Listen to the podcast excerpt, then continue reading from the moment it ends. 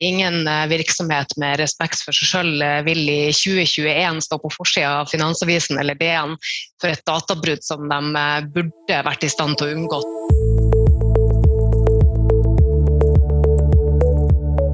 Flytsonen er en podkast for ledere i bedrifter fra softwareselskapet Proplan.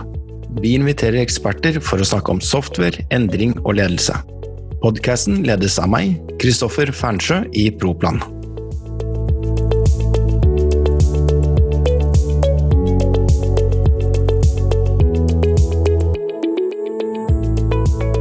Velkommen til ny episode av Flytsonen. I dag skal vi hjelpe deg med å forstå GDPR. Hvilke regler er det som gjelder? Hva er godt nok? Og egentlig det du trenger å vite. Med oss har vi kanskje Norges største GDPR-entusiast, Rie Alexandra, og velkommen. Tusen takk for det. det. Samtidig så har vi også med en dyktig kollega fra min side, Sverre Kjetil. Velkommen til deg. Takk. Det tenker vi starter med deg, Rie. Eh, kan ikke du fortelle litt mer om deg selv og hvem du er?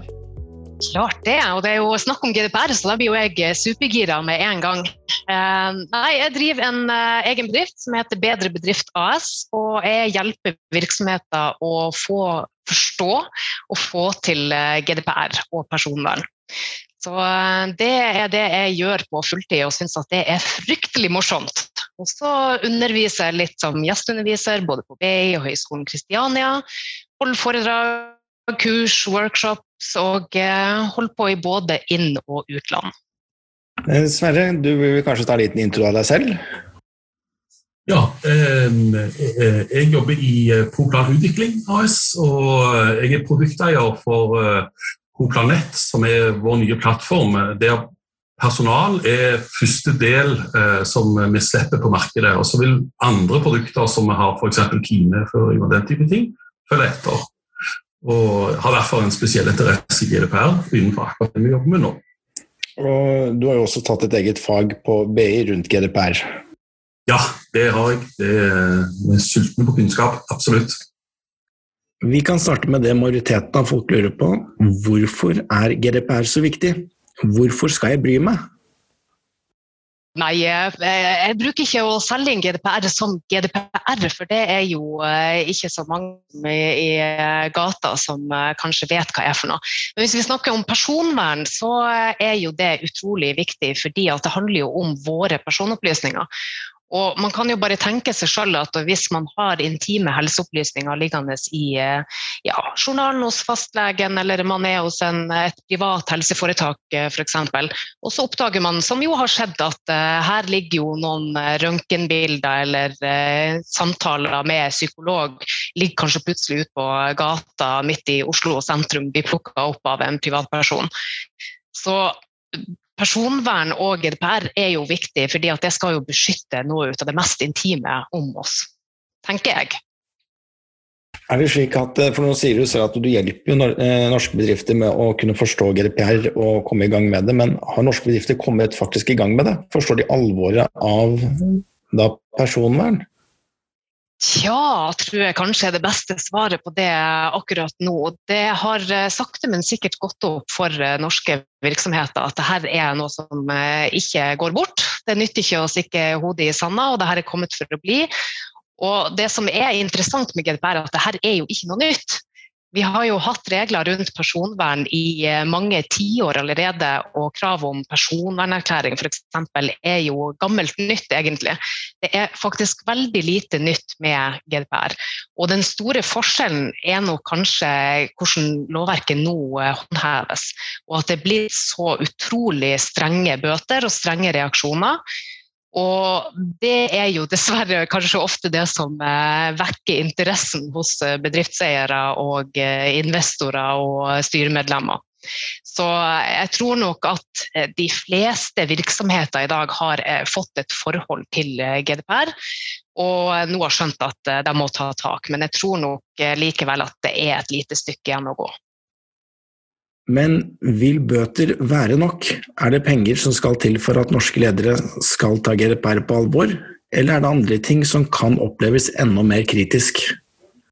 Nei, først og fremst vil jeg jo gå tilbake til det du spurte om hvorfor GDPR er viktig. at eh, Hvis man ser på intensjonen bak lovverket, så det handler jo om å respektere personvernet og privatlivet til den enkelte. Og hele lovverket handler jo om grunnleggende menneskerettigheter som står ekstremt sterkt i hele Europa.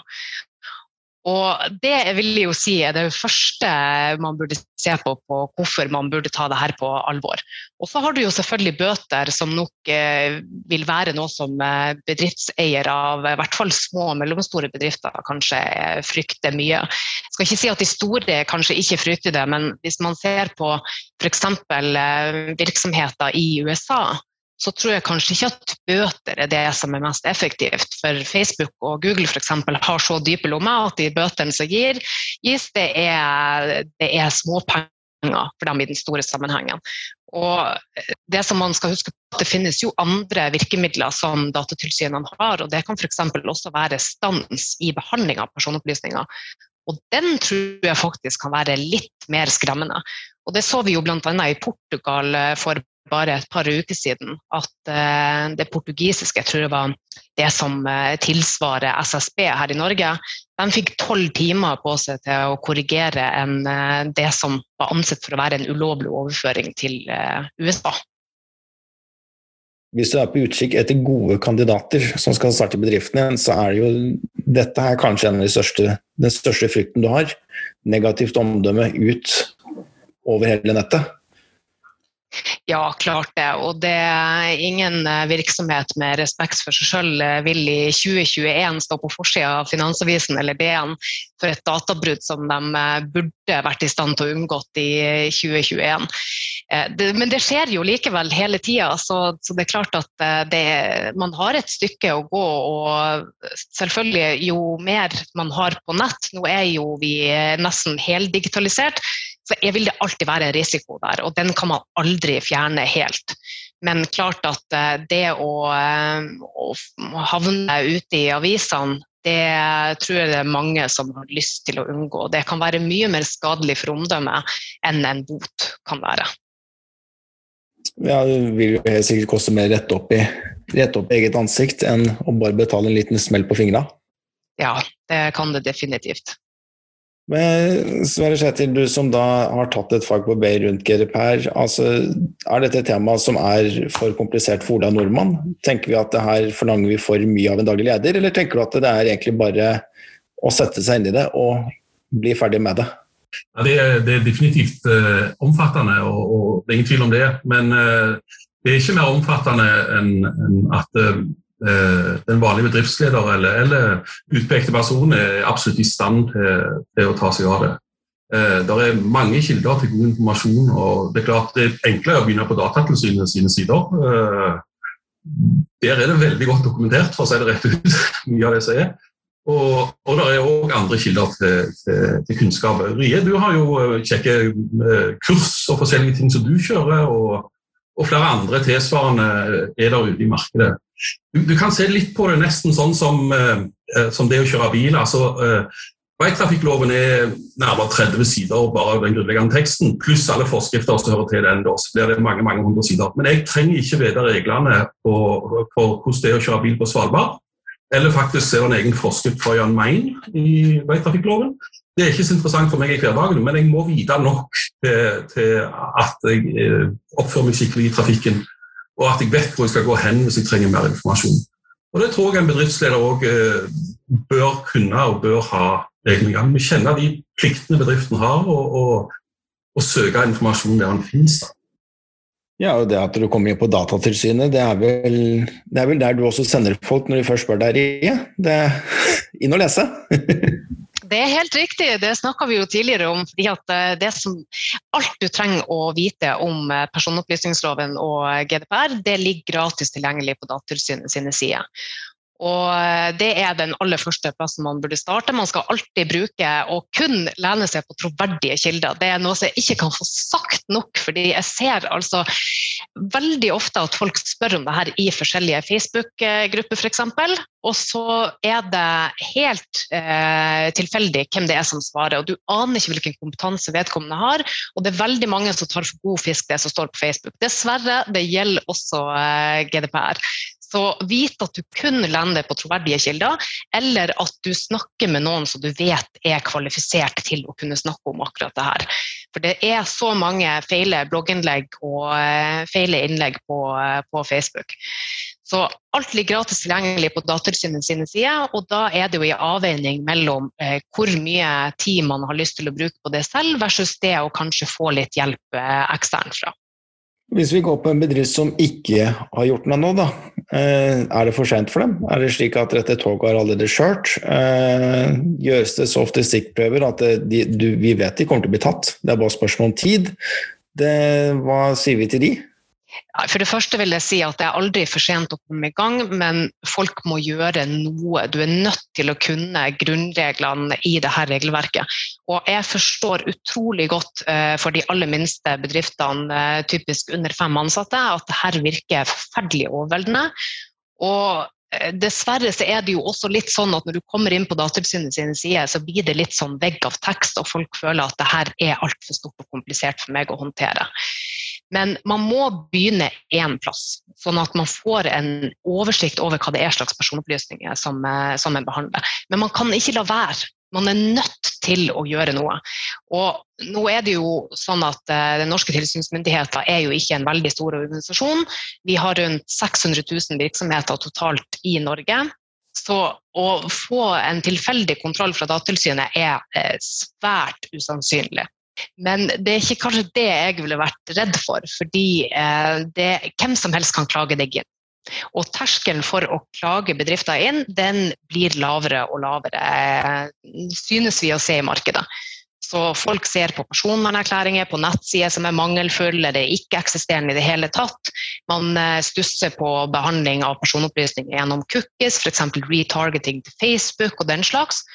Og hvem som helst kan klage deg inn til Datatilsynet, og slik det er i Norge, så må jo Datatilsynet følge opp den saken. Og så kan det jo eh, ende i at det ikke gjennomføres et tilsyn i det hele tatt. Men risikoen er jo der eh, likevel.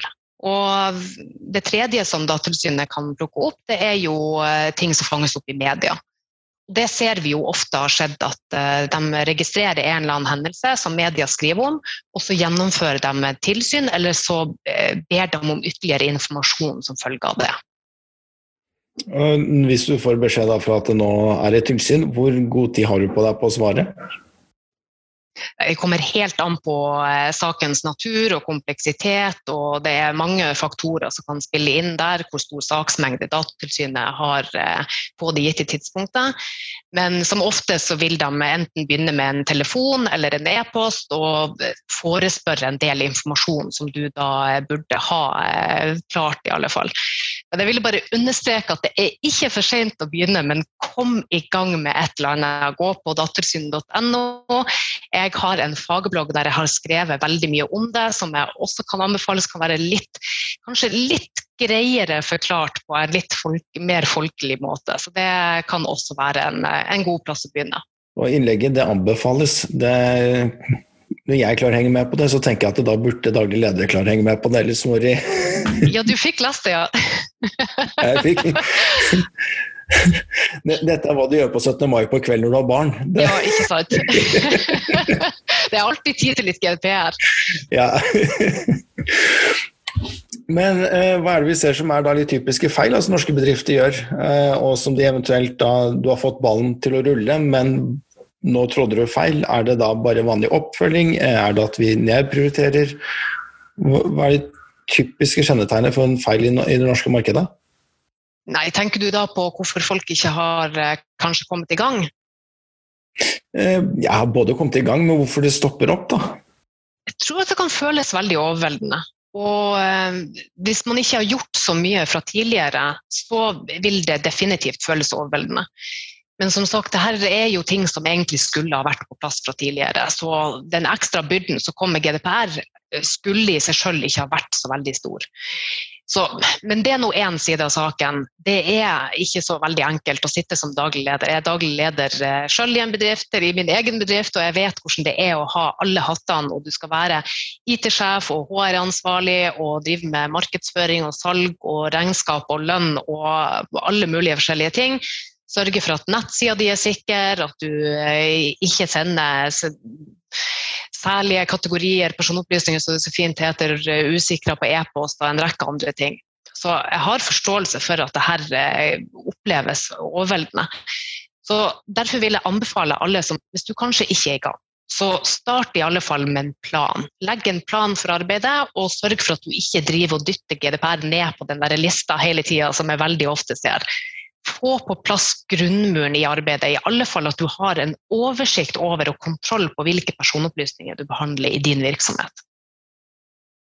Ta og spørre der, og svare seg til før vi blir korrigert begge to. Eh, Når GDPR kom, så var det jo mye kan, burde, skulle, kanskje. Altså Har ikke reglene vært klare nok? Har det ikke vært faste nok rammer til at det, det er noe som folk har tatt tak i, eller må det inn i en versjon 2.0 for å gjøre oppklaringer før folk tar og får fingeren ut og tar dette ordentlig på alvor?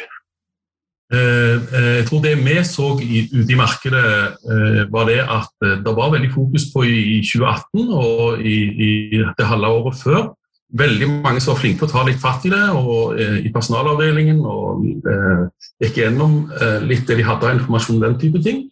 Men litt og litt så døde det fokuset ut i en del bedrifter, spesielt de mindre, da, som vi snakker om her. Og, og, det vi ser, er at, at de er flinke og, Eller det er fort gjort å glemme å ta med GDPR eller personvern eh, i livet til bedriften når du da bytter systemer og bytter rutiner. Og, og, jeg tror det er en fallgruppe mange går i. rett og slett, at De har, de har jo jo løftet i 2018, og, og, nå er jo det i orden. liksom, Check, det er i orden. Og Så går de videre og så bytter de CRM-system, eller så bytter de personalsystem, som jeg er glad i da, eller så bytter de et eller annet system i bedriften. Eh, medarbeidersamtaleløsning, eller hva enn det eh, Og så glemmer de rett og slett eh, at oi, du, eh, du, skal faktisk sjekke litt her om, om hva informasjon er det jeg samler inn, hvorfor samler jeg det inn, og hvor lenge kan jeg ha den i bedriften. ikke sant? Eh, og, og hvem har innsyn og den type ting. Så, så, jeg tror det er den store fallgruven. rett og slett. Det Glemme å ta det med i, i, i, det som skjer i bedriften i hverdagen. Og, de, og Spesielt nå når um, så mye av applikasjonen vår flytter opp i skyen og, og, blir mer skybasert. Ja. Det, for å fyre opp deg litt på den, da, Rie. Så det vi sier er at systemer tar over alt GDPR-ansvaret? ja, du visste hva du skulle si, ja. jeg plukka opp den ganske fort. ja. Nei, jeg vil jo, først vil jeg bare kommentere på det Sverre Kjetil sa. at Jeg tror jeg er så hjertens enig med alt du sier, Sverre Kjetil. og Det, er, det var et kjempeløft i, i 2017-2018. og Jeg bruker å si at 2018 det handla liksom om panikk og personvernerklæringer. Og så tenker liksom folk at ok, nå er jobben gjort, eh, check. Men det er jo ikke sånn. Personvern og GDPR er noe du må jobbe med. Jeg sier kontinuerlig, men da mener jeg ikke på hver eneste sekund av hele dagen. Men det er det samme som med regnskap og skatt. Du betaler skatten din, du må uttale lønn, du må håndtere sykemeldinger og du må ta og jobbe med personvern hele tida. For eh, ellers så mister du ballen, og da nytter det ikke at du gjorde en innsats i 2018 hvis Datatilsynet kommer til deg i dag. Og når det gjelder eh, systemer, ja, Kristoffer, så, så, vil jeg jo Jeg er jo eh, kjempefan av systemer. Jeg elsker jo systemer og prosesser, organisering og struktur og alt det her. Men eh, systemer er ikke noe plug and play-løsning for GDPR, eh, sånn som mange kanskje tenker på det. Og jeg har eh, skrevet på min nettside i flere år at GDPR det er ikke noe som verken en Wordpress-plugin et system eller en konsulent eller advokat kan løse for deg.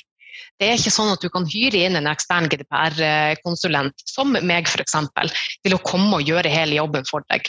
Du er nødt som daglig leder eller eh, som styremedlem til og eller for at eh, begge de to må vite hvordan personvern håndteres i virksomheter, hva slags personopplysninger som behandles. Man må ha den oversikten på plass. Og når man når har den oversikten på plass og man har god kontroll, så kan man i neste rekke vurdere hvilke systemer skal vi eventuelt bruke, eller har vi eventuelt behov for, som kan bistå oss i dette arbeidet. Og da er det jo å se på eh, alle personopplysningene som jeg har i virksomheten. Hvem er det man behandler personopplysninger til? Det kan være jobbsøkere, ansatte, det kan være potensielle kunder, eksisterende kunder, besøkende. Altså det er mange forskjellige kategorier av eh, personer som man behandler personopplysningen til. Og For noen av disse så kan det være hensiktsmessig å bruke et system, for andre så trenger man kanskje ikke det. Mange vil klare seg fint med en uh, oversikt over det her i et regneark f.eks., mens større virksomheter kanskje vil ha stor nytte og verdi å ha et uh, dedikert GDPR- og- eller risikohåndteringssystem. Mitt store spørsmål på dette her nå blir jo egentlig da hvor er GDPR om fem år? Er det blitt mindre av det? Er det blitt mer? Er det kommet versjon 2.0? Eh, vet vi om at noe er allerede for historisk av GDPR 1.0 som burde endres? Eh, hvor, hvor tenker du at vi ligger om fem år? Ja, og det her er det jo mange meninger om, og det er jo hele tida tror jeg ukentlig lest et eh, LinkedIn, en LinkedIn-artikkel på akkurat det her at GDPR er enten utdatert, eller at uh, nå ser vi verdien, eller at uh, nå ser vi hvor håpløst det er. Så det er veldig mange delte meninger om det her. Men én ting er helt overbevist om, og det er at vi, vi ser kun kanskje den store starten på håndtering av personvern og datasikkerhet på, i global skala. Og om fem år så kommer nok GDPR til å være mye mer under huden på virksomhetseieren. Det tror jeg definitivt. Jeg bruker også, eh, som en tidligere kunde av meg så eh, godt sa, at eh, GDPR er egentlig bare den nye HMS-en. Det er liksom en, ny sånn forkortelse som man kanskje ikke helt husker hva står for, som kommer med en rekke nye krav og dokumentasjonskrav og rapporteringsplikter og alt det her.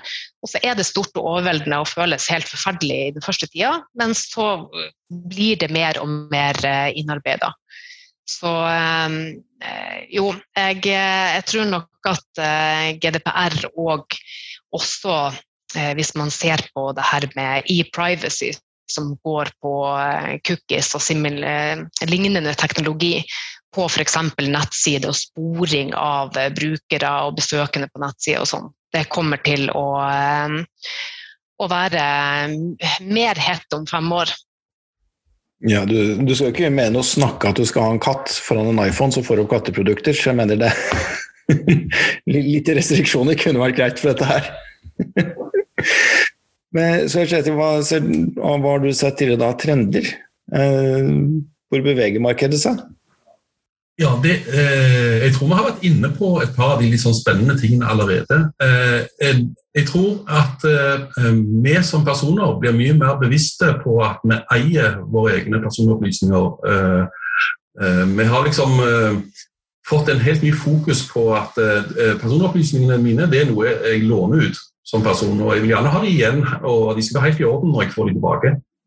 Og, og så Hvis du ser litt inn i, i liksom hva trender vi har sett, så, så er det jo eh, det at eh, når vi snakker om administrative systemer og den type ting, så, så, vil egentlig gjerne den registrerte vite at han blir registrert på en ordentlig måte. Og, og eh, bedriften må kunne bevise det liksom, på, på, et eller annet vis, da, at, eh, at, alt er i orden. Og og selvfølgelig så finnes det store rettssaker mot, mot, Facebook og andre. det er liksom Den lille tar opp kampen mot den store, som er kjempespennende. Men, men der ser vi liksom trenden eh, at når, når, eh, kunder tar kontakt med oss om våre systemer, så eh, har de fått forespørsler internt i sin bedrift om hva informasjon er lagra på det og det området i bedriften og innenfor det og det systemet. Så, så den bevisstgjøringen da, om at du eier dine egne personopplysninger, den, den tror jeg var bare så vidt sett begynnelsen på. og, og eh, Det vil bli mer og mer eh, krav om at du, kan synliggjøre rett og slett eh, som den som databehandler, eller som den som bruker dataen til noe.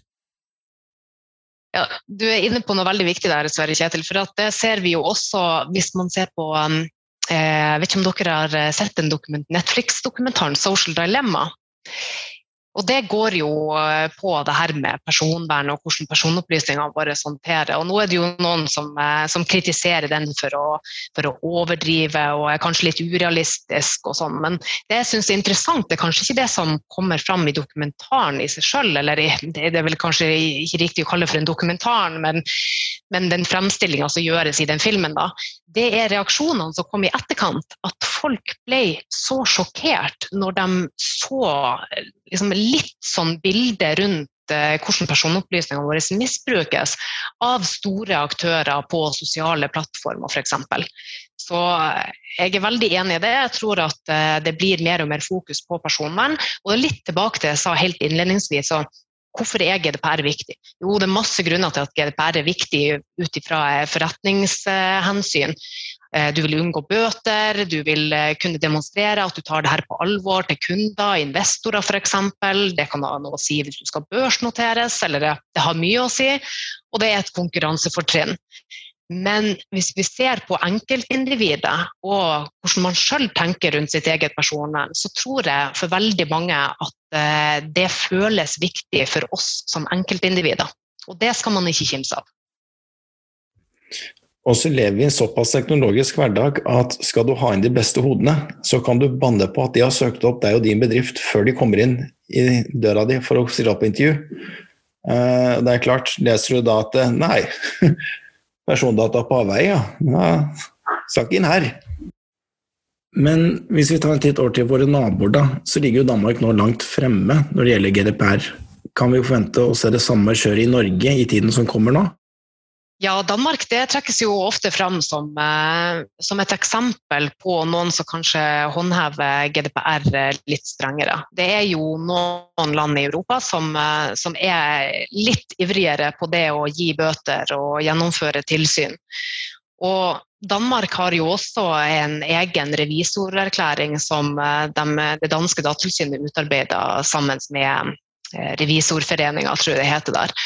Og det er etter mitt inntrykk blitt veldig vanlig å kreve sånn revisorerklæring eller eh, noe annen slags type garanti eller sertifisering, eller hva man vil eh, kalle det, for å vise at man har tatt både personvern og sikkerhet på alvor. Så eh, Danmark er et av de eksemplene som man ser til hvordan det kan sannsynligvis se ut her i Norge også fremover. Det, hvis vi skal ta en sånn liten oppsummering da, for å hjelpe folk med å summe tankene sine. For å starte så er det da inn på Datatilsynet, les deg litt opp. og hvis ikke så ligger det en flott blogg hos Rie som er, er verdt å hvert fall scrolle gjennom. Det, du sier det var ikke denne flotte veggen med bare tekst, det var faktisk litt mer språklig, så det, det hjalp. Eh, to, se gjennom hva du faktisk har behov for. Hva er det du faktisk behandler i selskapet i dag? Eh, er et holder slagplan, hvorav fire hold deg oppdatert. Det er vel en sånn cirka grei oppsummering, eller er det noe jeg burde hatt med her nå? Ja, Det er en veldig god start. Jeg tenker bare det å ha oversikt. Altså, man må som bedriftseier vite hva er det slags personopplysninger en behandler. Og Da er det jo veldig mye som er standard for både ansatte og jobbsøkere, det er for kunder osv. Så, videre. Så vit hva du har først, og så skal du informere alle om det i neste rekke. Og Da ser du på f.eks. personvernerklæring på nettsida. For de minste bedriftene så er det anbefalt å ha eh, den beskrivelsen og den informasjonen på ei enkelt nettside. Og det er veldig enkelt. Da kan du lenke til den i både kontrakter og i e-postsignaturen, eh, i bunnteksten på nyhetsbrevet som du kanskje sender.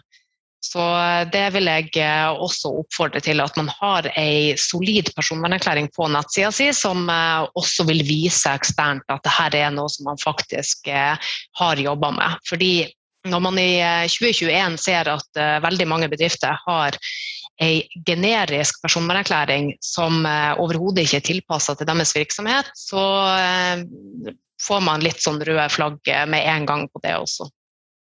Og veldig enkelt og greit, kom i gang i dag, ikke vent til i morgen. Ja, og det er jo viktig, og så er det er ikke så forferdelig når man først kommer i gang. Så jeg vet, og det ser jeg så ofte med folk jeg snakker om, at de, de, har så stor frykt for det å gå i gang med GDPR, for det virker så stort og komplisert og overveldende. Men når man først har satt det i gang og setter den ene foten foran den andre, så eh, det, får man litt mestringsfølelse, og så skjønner man at ok, det her er ikke så forferdelig. Det viktigste det er faktisk å komme i gang og gjøre noe. Det spiller, om, det spiller ikke om du går eller snubler, så lenge du ruller nedover nedoverbakken, så kommer du til bunn til slutt. Så det. ja, noe sånt. Nei, men, tusen takk for at du var med, Rie. Takk for at jeg fikk komme. Det, og takk til deg, Sverre Kjetil. Takk. Håper jeg folk har fått litt mer kjøtt på beinet og tør å ta det ene skrittet fram. Så med det så takker vi for i dag, og ses igjen senere.